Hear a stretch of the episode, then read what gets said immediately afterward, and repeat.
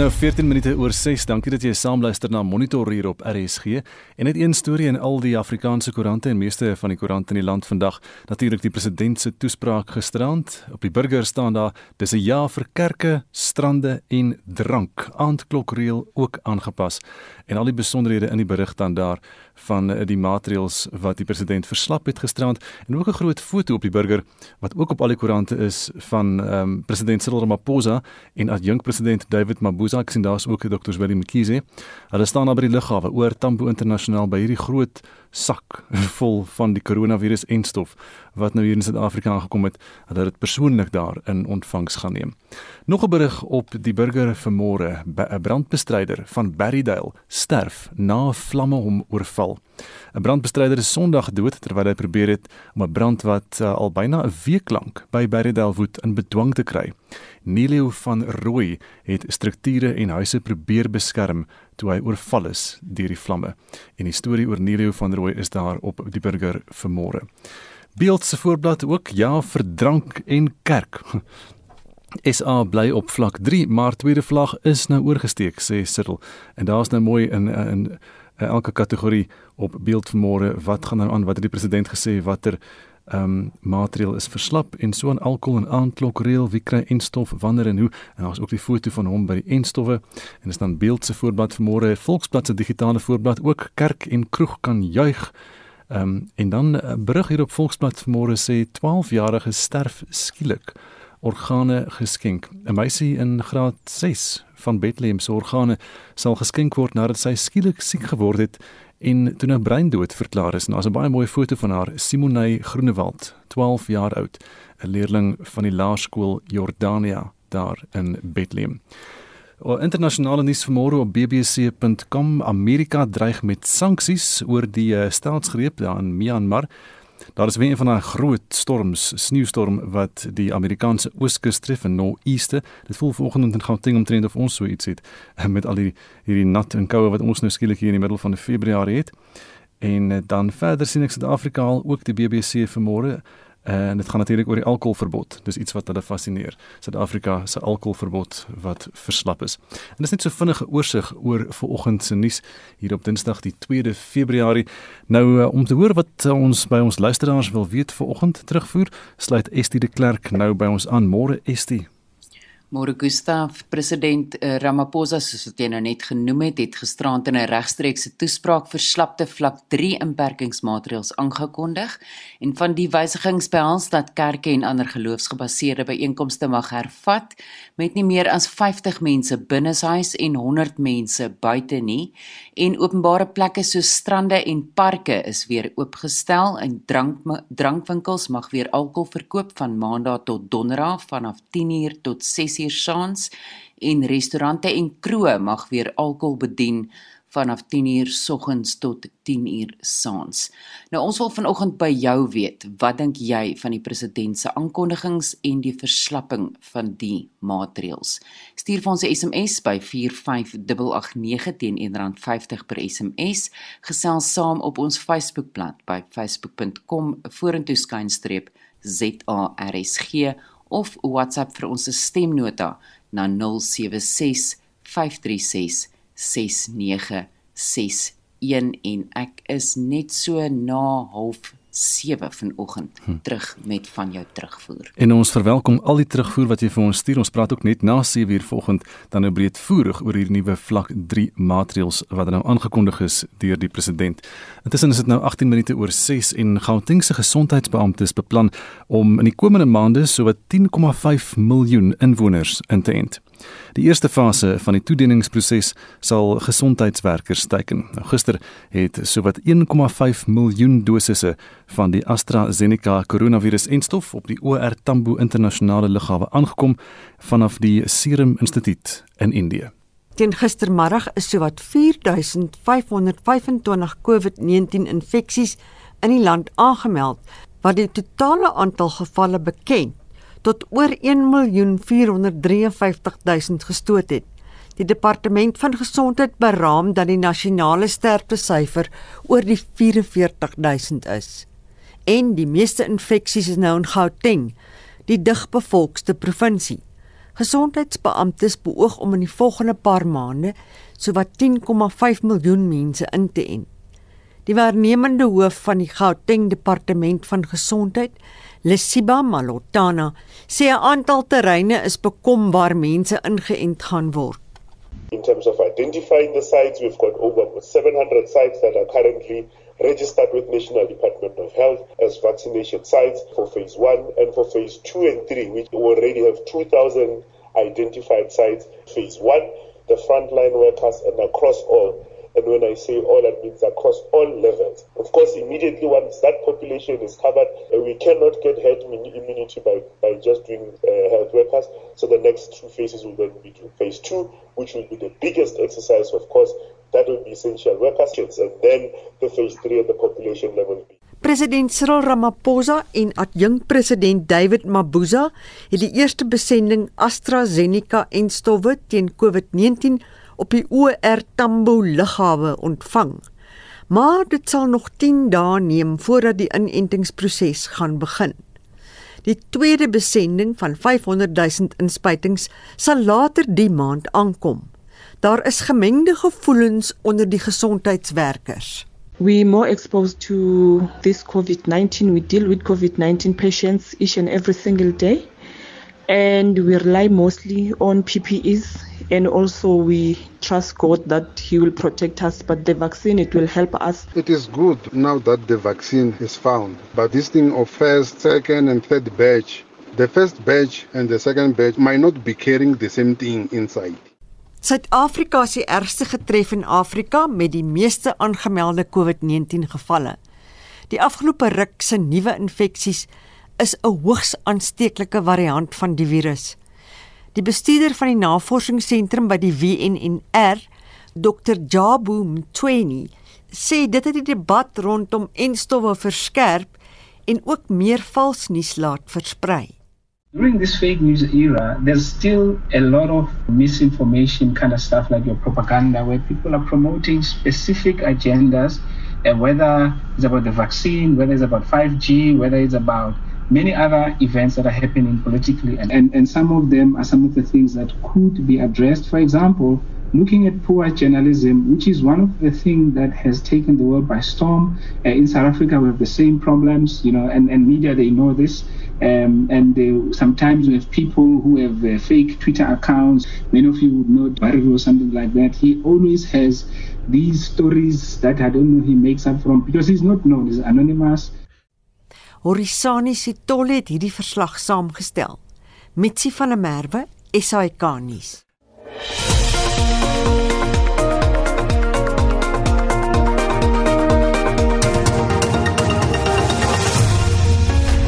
25 oor 6 by Monitor in die welsynsorganisasie Solidariteit Helpende Hand se studiefondsentrum met 43 miljoen rand beskikbaar gestel vir Afrikaanse studente om vir jaar te leer. Die studiefonds het die afgelope 12 jaar meer as 6300 studente gehelp om 'n tersiêre opleiding te kry deur 245 miljoen rand se rentevrye lenings aan hulle beskikbaar te maak. Lila Magnus het meer dieselfde dag wat die Solidariteit Beweging se Soltech 'n geakkrediteerde privaat tegniese opleidingskollege met Afrikaans as onderrigtaal in Pretoria geopen het, het Helpende Hand se studiefonds sentrum die hoogste uitbetaling tot nog toe in rentevrye studielenings gemaak. Hoof van die studiefonds sentrum, Stefan Pieterse, sê met die geld kan hulle 1200 studente die jaar help.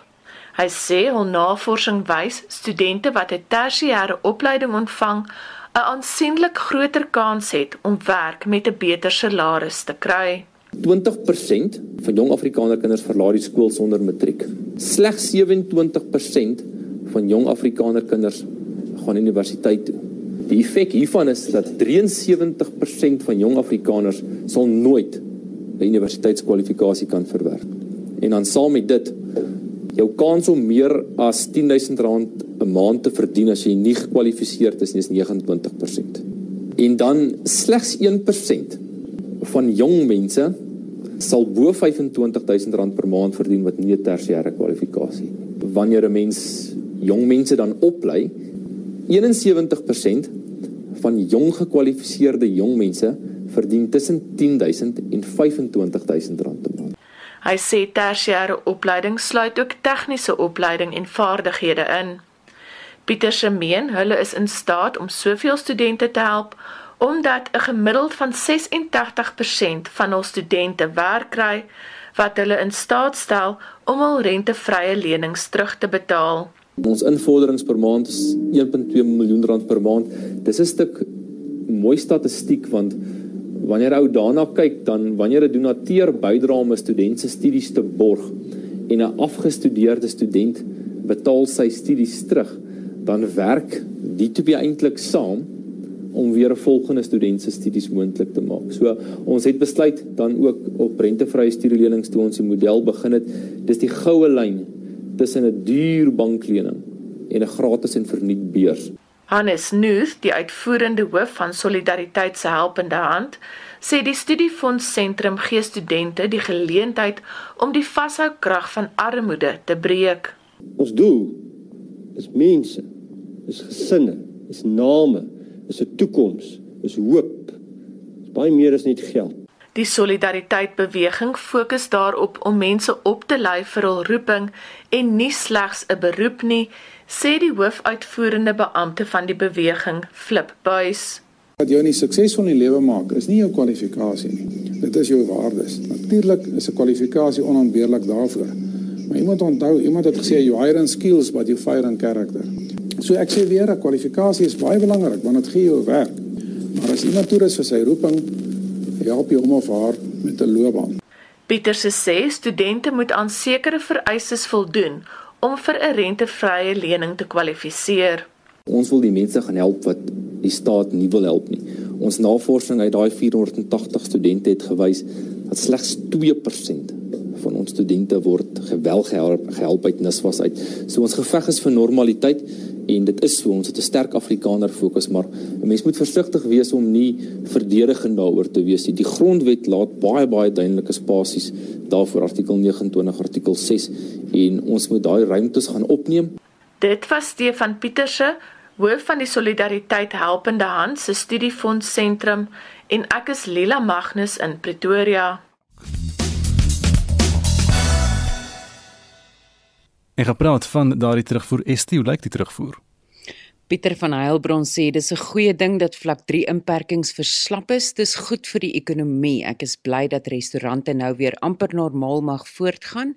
Mense wil besigheid doen om kos op die tafel te hê en ek is bly oor oop kerke en wynboere wat weer kan sake doen. Ria Weideman skryf vir ons: Daar's geen bewyse dat mense COVID gekry het van kerk toe kom nie. Die reëls word 100% in ons kerk gevolg, maar ons het duisende lidmate.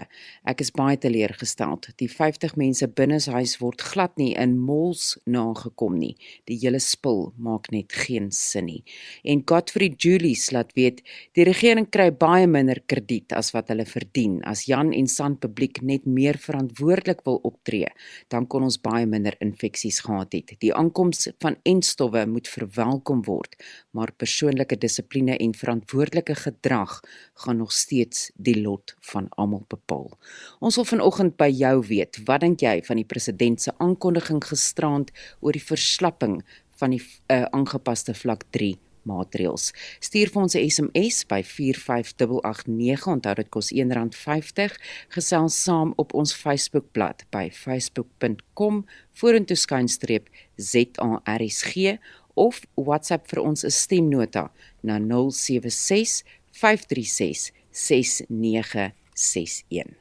Dis nou so 26 minute voor 7 en hier is Shaun Jooste met volgende se sporthoogtepunte. In vanoggend se sport fokus ons op ranglyste en puntelere. Met die Australiese tennis ope wat volgende week afslaan, die ATP spanbeker toernooi wat vroeg vanoggend begin het en verskeie mans en vroue toernooie wat in Melbourne aan die gang is, kyk ons na die wêreld se top 3 mans en vroue spelers. Die mans is Novak Djokovic van Servië, Rafael Nadal van Spanje en Dominic Thiem van Oostenryk. Die vroue is Ashley Barty van Australië, Simona Halep van Roemenië en Naomi Osaka van Japan. Op die mansranglys bly Suid-Afrika se Kevin Anderson 82ste, maar Lloyd Harris val met een plek na 91ste. Ryan Klassen bly ook 18de op die dubbelsranglys. Kriket. Op die ICC se toetskampioenskappe punteleer beklee Indië op 430, Nieu-Seeland op 420 en Australië op 332 punte die top 3 plekke. Pakistan is 5de en Suid-Afrika 6de. Die tweede en laaste toets tussen Pakistan en die Proteas begin donderdag in Karachi met die tuisspan wat 1-0 voorloop. Op die ICC se Superliga punteleer staan Australië op 40 en Bangladesh, Engeland en Afghanistan op 30 punte elk. In die plaaslike momentum eendag reeks het die Dolphins en Lions hul groepe gewen en die Knights en Cape Cobras het tweede geëindig. In gister se eerste halffinalestryd het die Dolphins met 3 paaltjies teen die Cape Cobras geseëvier en na die eindstryd deurgedring om hulle titel te verdedig. Robbie Vrylink was die uitblinker vir die Dolphins en het 62 lopies met die golf en 2 vir 25 met die bal aangeteken.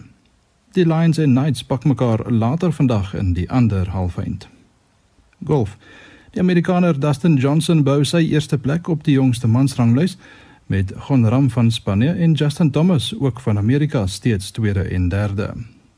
Suid-Afrika se Louis Oosthuizen val met twee plekke na 26ste Christian Besaidnout klim met 3 plekke na 33ste en Erik van Rooyen sak met 5 plekke terug na 60ste. Daar is geen verandering onder die top 3 vroue spelers nie. Hulle is Jin Young Go, Se Young Kim en Inbi Park van Suid-Korea met Suid-Afrika se Ashley Buy 70ste. Sokker.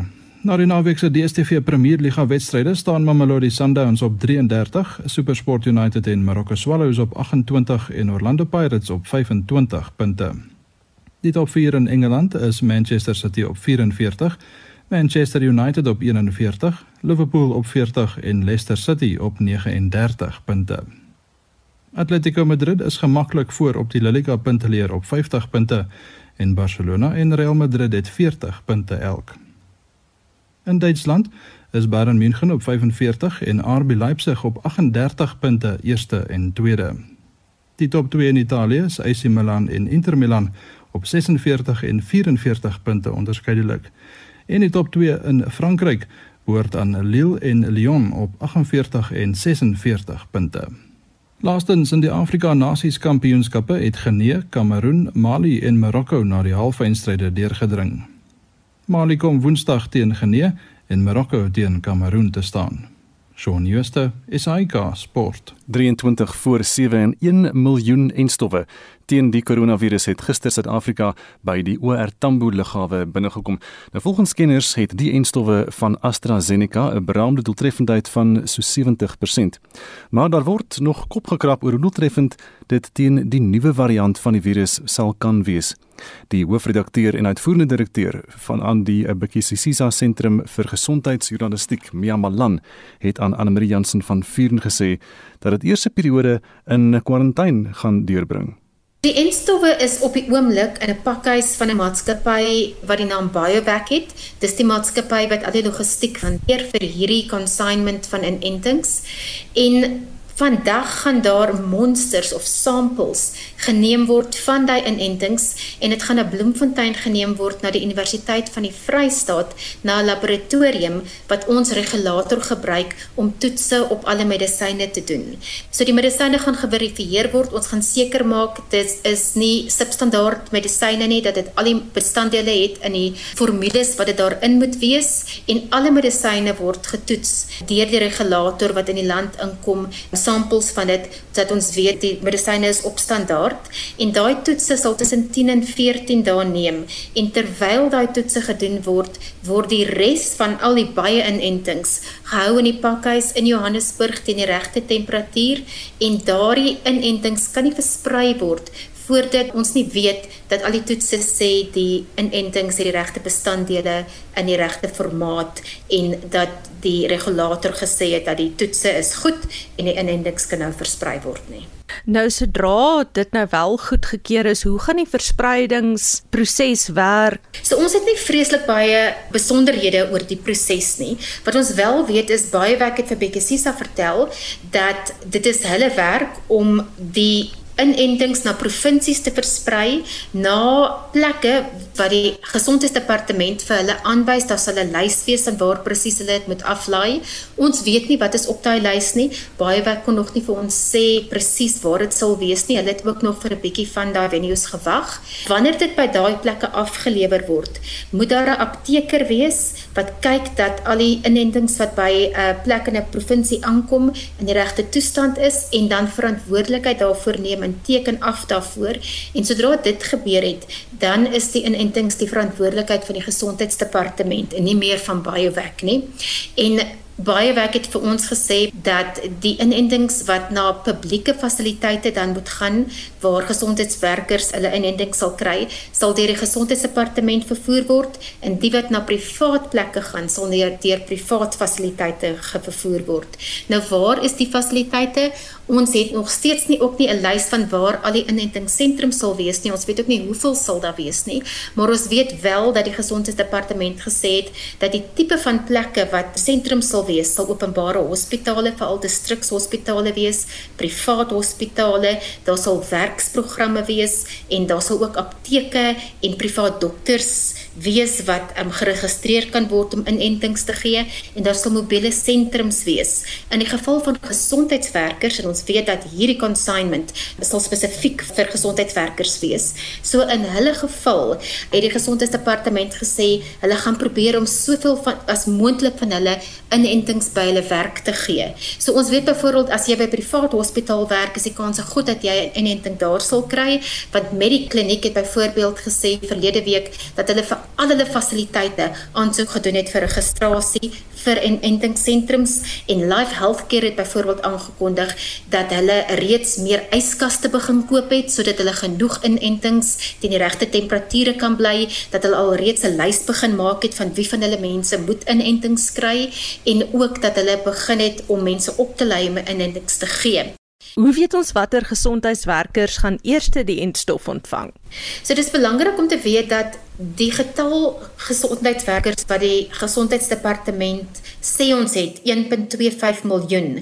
Hulle definisie van daai gesondheidswerkers is nie net mense wat mediese dienste verrig nie. So dis nie net dokters en verpleegsters nie. Dis al die mense wat in gesondheidsfasiliteite werk want hulle almal word blootgestel aan die virus en dit maak hulle baie vulnerable.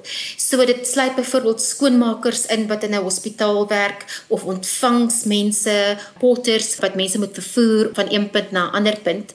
So as ons kyk na wie gaan dit eerste kry sê die gesondheidsdepartement dit moet die mense wees wat die most vulnerable is om die virus te gaan kry. Hulle noem dit patient facing health workers met ander mense wat direk met pasiënte te werk want hulle sal meer blootgestel word aan die virus en as daai mense dit klaar gekry het, dan sal ander werkers wat meer indirek met pasiënte werk aan die beurt kom. Want ons weet met die inenting wat ons nou gekry het, die AstraZeneca inenting, het elke persoon 2 dosisse nodig. So ons het 'n miljoen dosisse nou gekry, wat beteken daar's net genoeg vir 500 000 mense om ingeënt te word. En ons kry nog bietjie later die maand, dit sal 'n totaal van 1.5 miljoen wees van dieselfde tipe inenting, maar dit sal beteken dat ons kan steeds nie al die gesondheidswerkers dek nie. Ons kan net party van hulle dek. Ons kan, jy weet, ongeveer 700 tot 750 000 van hulle dek en ons het 1.25 miljoen van hulle. So ons sal nog van hierdie inentings moet kry om almal te dek. Nou volgens die kenners het die AstraZeneca en stowwe wat nou hier aangekom het 'n beraamde 70% doeltreffendheid. Wat beteken dit? So dit beteken dat 70% minder mense nou COVID-19 sal ontwikkel as wat daar sou ontwikkel het as daar nie 'n inenting was nie. So as daar 100 mense is wat COVID-19 sou kry, sal daar nou net 30 mense wees as ons die inenting gebruik. In Suid-Afrika is dit 'n bietjie meer ingewikkeld omdat ons 'n nuwe variant het van die virus wat ons hier geïdentifiseer het en ons weet grond van die resultate van ander inentings dat die inentings geneig is om 'n bietjie minder effektief te wees op ons variant en Die inenting wat ons nou kry, die 70% effektiwiteit is gebaseer op studies wat gedoen was in die Verenigde Koninkryk en in Brasilië. So daai inenting is nie getoets in Suid-Afrika nie. Daar was 'n arm van daai studie hierso in Suid-Afrika, maar ons is nog besig om daai resultate te analiseer. Dit is nog nie ingewerk by die 70% effektiwiteit nie. So ons weet nog nie wat sal die effek van die variant wees nie, maar as ons kyk na die tendens wat gebeur in ander studies, dan kan ons vermoed dat dit 'n bietjie minder effektief hier sal wees. En hoe vergelyk hierdie AstraZeneca en stof uit Indië met ander enstowwe wat op die mark is? Die effektiefste enstowwe wat op die mark is, is die van Pfizer en Moderna en dit is 'n baie spesifieke tipe van inenting wat wat bekend is as 'n mRNA inenting wat op 'n ander manier gemaak word as die meeste van die ander inentings. Daar's ook resultate wat ons gekry het verlede week van Novavax in Suid-Afrika was dit redelik laag. Die algehele effektiwiteit was 49.4% en ook van Johnson & Johnson was dit 57% en is reël wat laer gewees as in die res van die ander lande waar dit getoets het. Nou die rede hoekom Novavax en Johnson & Johnson se resultate laer was in Suid-Afrika as in ander lande is omdat daar 'n groot deel van die mense wat getoets was in die studie, wat deel van die studie was, het die nuwe variant wat in Suid-Afrika geïdentifiseer is, dit was die virus wat hulle opgedoen het. So die lae resultate lyk of dit 'n resultaat is as gevolg van die variant en daarom is dit ook baie moeilik om die resultate van die verskillende inentings te vergelyk lyk omdat Pfizer Moderna was die eerste resultate wat uitgekom het en toe hulle daai inentings getoets het, het verskillende variante en was nog nie so algemeen gewees soos dit nou is nie. So daai effektiwiteit is gebaseer op 'n tydperk toe hierdie variante nog nie vreeslik in die ronde was nie. Maar Novavax en Johnson & Johnson se resultate het eers verlede week uitgekom en toe hulle die um, resultate van watter tipe van virus variant van die virus het die mense opgedoen, toe hulle dit ontleed het, het hulle gesien byvoorbeeld in Novavax was die meeste van die Suid-Afrikaanse arm van die studie wat die 90% van die mense het die variant gehad. En iets anders wat 'n invloed in Novavax gehad het is dat die effektiwiteit op mense wat HIV negatief was was 60% en op mense wat HIV gehad het was dit heelwat laer en die twee saam het die algehele effektiwiteit toe afgebring na 49.4%. Dit was 'n studie wat gekyk het na die effek op beide HIV positiewe en negatiewe mense, maar die groepie wat HIV positief was was baie klein in die studie gewees. So dit beteken dat as jy weet as as daar 'n in die klein groepie um, iemand is wat die wat byvoorbeeld COVID gekry het dan dit 'n groter effek op die persentasie wat dit afbring as wat dit in 'n groter groep sou gewees het. So dis baie baie moeilik om die resultate van die verskillende inentings te vergelyk omdat hulle almal op verskillende tydperke gedoen is en baie van hulle is gedoen in tydperke toe hierdie variante nog nie in die ronde was nie. Jy het nou vroeër gesê daar's nie eintlik soveel deursigtigheid in die proses oor hoe dit versprei gaan word nie, maar voorsien jy vir enige probleme of uitdagings met die logistiek rondom die proses? Ek dink as ons na ander lande kyk, is die grootste probleem wat ons sover gesien het, die beskikbaarheid van inentings.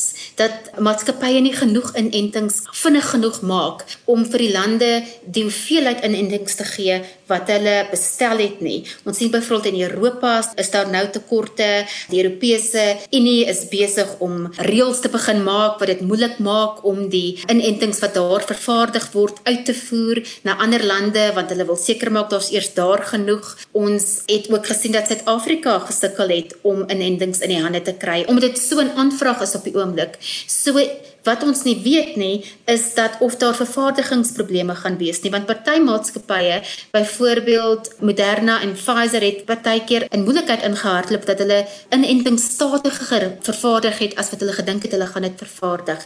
Ander probleme wat kan gebeur is die Inentings moet tussen 2 en 8 grade Celsius gehou word. Dit beteken ons het yskaste nodig oral waar hierdie inentings gehou word. So ons gaan konstante krag of of generators moet hê wat seker maak dat daar nie kragonderbrekings is as daar byvoorbeeld load sheddings is nie. So ons gaan baie seker moet maak dat ons teen die regte temperature kan stoor, anders raak die inentings minder effektief as hulle nie teen die regte temperature gestoor word nie.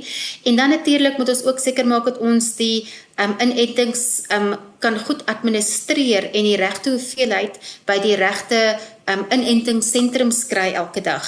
Daar gaan 'n elektroniese stelsel wees waarop almal moet registreer om inentings te kry en daai stelsel is veronderstel om vir die gesondheidsdepartement te sê presies hoeveel inentings is nodig by watter plek en ons hoop dit gaan die stelsel gaan goed werk want ons het nog nie daai stelsel voorheen gebruik nie. So daar is ook die moontlikheid dat jy weet dis 'n elektroniese stelsel dat dit dalk kan crash, you know, of dat dit nie elke dag werk nie of dat daar registrasieprobleme op dit is.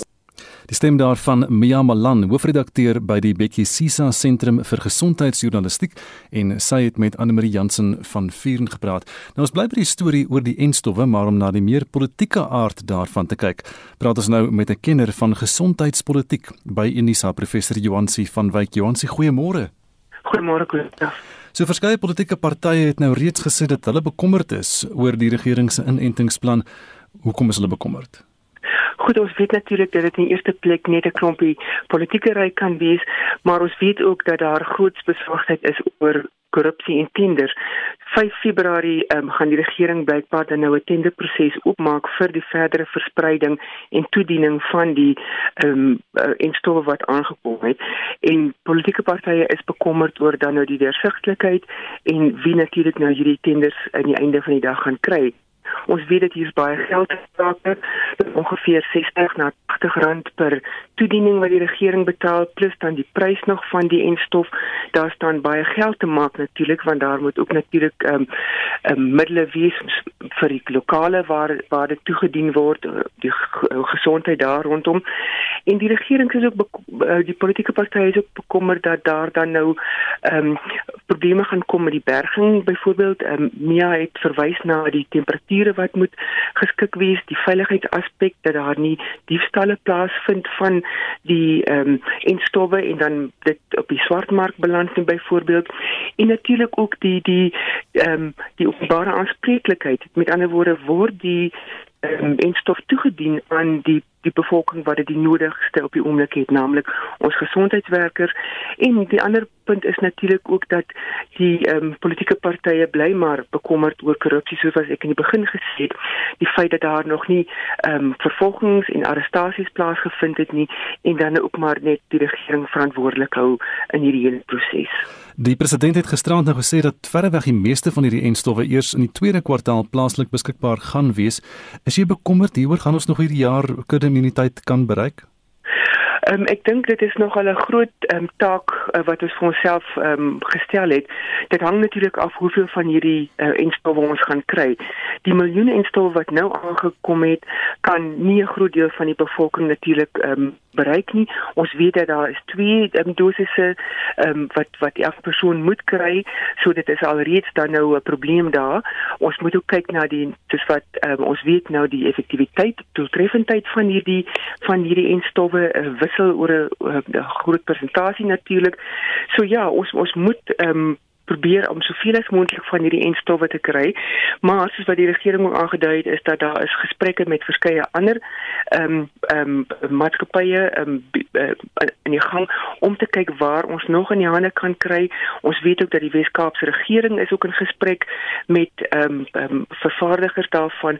So dit, dit lyk my daar is dan nou 'n geweldige poging, maar ek dink dit gaan nogal 'n baie groot ehm um, ehm um, teken wees om te jag om die die kudde immuniteit te bereik.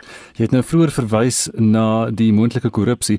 Het jy dalk raad vir die president oor hoe korrupsie en tenderpreneurskap en daardie dinge in hierdie proses in die kiem gesmoor kan word?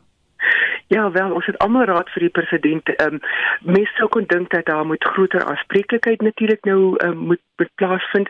Hy moet begin optree, daar moet ehm um, voorbeelde gemaak word van mense binne sy eie party wat hulle self skuldig bevind het.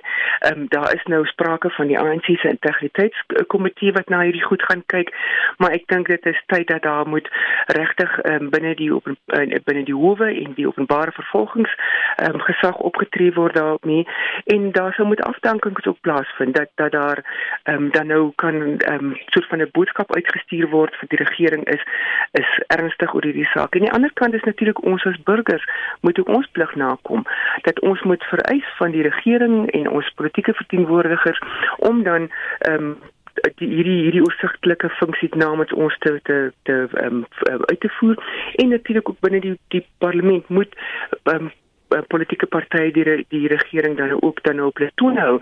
Maar ek dink ook die ander faktor is dan dat daar moet 'n openbare ehm um, ehm um, opleidingsprogram, uh, ligtingsprogram moet van stapel gestuur word wat mense dan ook weet, maar hier is ook dan nou maniere hoe ons die korrupsie kan aanmeld, maar ook dan die misbruik van hierdie ehm um, en stowwe cetera.